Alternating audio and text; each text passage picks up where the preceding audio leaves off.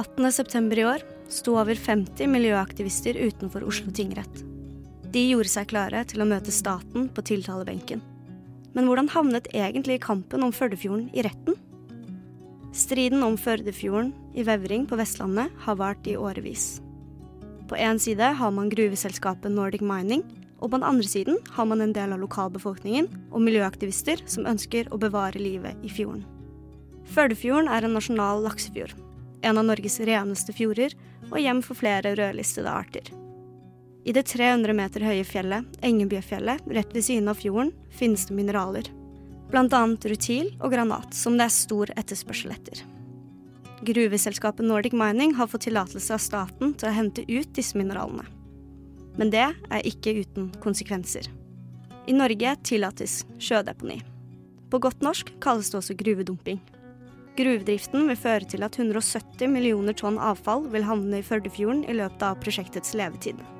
Miljøaktivister mener at dette kommer til å ødelegge livet i fjorden, mens Nordic Mining mener at konsekvensene ikke blir betydelige, og at livet i fjorden vil ta seg opp igjen etter at prosjektet er ferdig.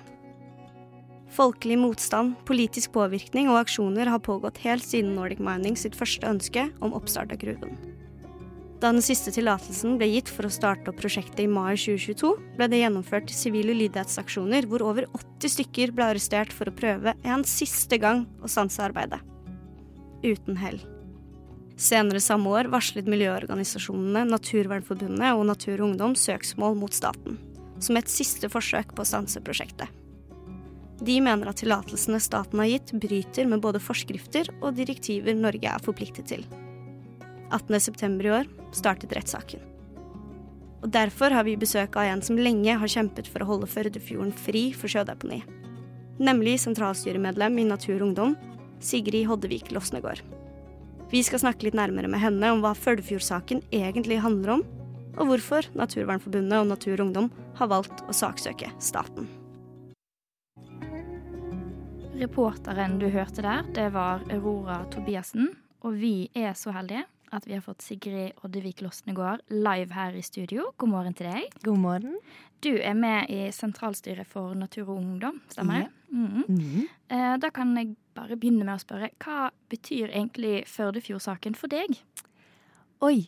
Um, ja, det er jo uh, veldig personlig. Um, jeg kommer fra uh, Holmedal.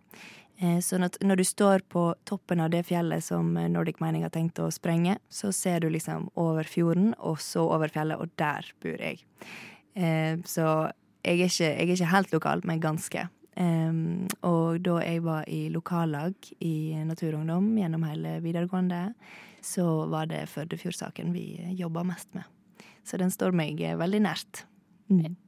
Eh, hva er egentlig grunnen for at dere i Natur og Ungdom sammen med Naturvernforbundet da, har valgt å gå rettens vei nå? Um, våre anførsler, eller uh, altså våre argument uh, i uh, saken, er tre hovedpunkt som vi på en måte deler stevninga inn i. Det ene er at når staten har gitt tillatelsene til Nordic Mining, altså driftstillatelse og utslippstillatelse, så har de brutt eh, veldig mange EØS-reglement. Eh, blant annet eh, vannrammedirektivet og mineralavfallsdirektivet. Der har de brutt liksom konkrete lover. Og så den andre anførselen er at staten skulle pålagt gruveselskapet å finne en annen, mindre inngripende metode, men eh, det har de bare ikke gjort. Eh, og så det tredje er at eh, miljøkonsekvensene kommer til å bli mye mer alvorlige enn det som på en måte er forutsatt i tillatelsene. da. Så man har ikke alle fakta på bordet, og det kommer til å bli mye verre enn det man har trodd. Mm. mm. Ja, så må jeg bare understreke at eh, ja, holdt på å si, de dere har gått mot sak mot, mm. de eh, er ikke her i studio for å kunne forsvare seg sjøl. Um, men da ja. så jeg går rett og slett videre til eh, spørsmål om hvorfor det er så viktig å gå til retten med denne saken. Um, vi har jo gått eh, den demokratiske veien så langt det har uh, gått an. Vi har klaga på alle tillatelser de har fått. Vi har eh, fulgt med på kommunestyret, og vi har fulgt med liksom alle instanser. Og så har vi òg eh, tatt i bruk sivil ulydighet. Det, vi, eh, det, har vi gjort i flere omganger i denne saken, men eh, siste gangen var i fjor, i mai. og da Eh, mens vi eh, stoppa anleggsarbeidet til Nordic Mining, så hadde eh, Nærings- og fiskeridepartementet inne klaga vår på deres driftsløyve. Og da de eh, ikke godkjente vår klage, så gikk vi til søksmål. Var du med på den sivile eh, ulydigheten? Eh, ja, jeg ble arrestert eh, tre ganger i løpet av ei uke der. Hvordan var det? det var Det føltes eh, veldig rart at sånn eh, Nå sitter jeg her og prøver å bevare eh, noe som ligger meg så kjært, og noe som føles så naturlig at sånn, ja, selvfølgelig skal vi ta vare på denne eh, rene, levende, enorme laksefjorden, liksom. En av de få eh, virkelig rene fjordene som er igjen på Vestlandet, og så blir man arrestert for det, liksom. Og eh, fordi at jeg ble arrestert så mange ganger, så sa de at jeg hadde et eh, gjentakende ordensproblem. Fordi at eh, lovbruddet er jo at man ikke flytter seg når politiet ber om det. Eh, så eh, da fikk jeg Jeg fikk først to bøter de to første gangene. Og så den tredje gangen jeg var inne, så sa de at nei, nå må du bare møte i retten på et tidspunkt, og så risikerer du betinga fengsel. Ja. Men det fikk jeg heldigvis ikke. Eh, og rettssaken den, den, startet på mandag. Mm. Eh, den med, eh, sammen med Naturvernforbundet. Eh, og hvordan har den første uken gått? Um, det er jo eh, nesten litt sånn antiklimaks, holdt jeg på å si, at eh, vi har jobba eh, så sjukt med dette i over et år, og så eh, kommer man inn der, og så skal man egentlig bare sitte i retten. Eh, og egentlig ikke gjøre noen ting. Eh, men det vi har gjort de to første dagene, på mandag og tirsdag, så var det våre, vårt innledningsforedrag, og da gikk vi gjennom alle våre argument. Er ganske inngående og slitsomt å høre på, men eh, det er interessant hvis du klarer å eh, følge med. Eh, og i dag og i går så har det vært staten sin tur til å ha innledningsforedrag. Mm. Ja, og hvor lenge antar dere at denne retts... Ja, hvor, hvor lenge antar dere at dette kommer til å, til å gå, da? Um, vi har uh, rettssalen fram til 4. oktober. Mm. Så neste uke blir det eh, vitne og sånn. Ja.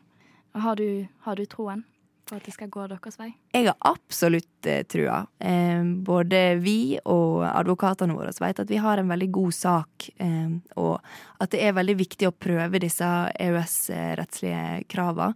Eh, fordi at det har aldri blitt gjort før. Og EU eh, e har veldig strenge miljøkrav. Og særlig innenfor uh, mineralprosjekt, som vi kanskje ikke gjennomfører helt uh, riktig, da. Så det er veldig viktig å prøve det. Mm. Eh, og hva ville eventuelt utfallet av rettssaken bety videre for Førdefjorden og eventuelt andre fjorder? Det vi håper, er at vi kan sette en presedens uh, med at om vi vinner, så blir tillatelsene til Nordic Mining ugyldige, og da må de eh, søke på nytt eh, på riktig måte, og så må forvaltninga behandle den prosessen igjen. Og hvis, hvis, vi kan vise at det går ikke an å gjøre dette med Førdefjorden, så kan vi òg vise at det går ikke an å gjøre dette med Repparfjorden. Med alle fjordene det er et pågående deponi i. Uh, alle fjorder det uh, ja, kan være fare for å, å skje det samme i. Så det er det vi håper på, å liksom løfte saken litt videre, da. Mm. Eh, tusen takk til eh, deg, Sigrid Hoddevik Losnegård. Eh, setter pris på at du kunne ta deg tiden til å besøke oss her på Opplysningen. Eh, så må jeg egentlig bare ønske deg god helg. tusen takk. Takk det samme.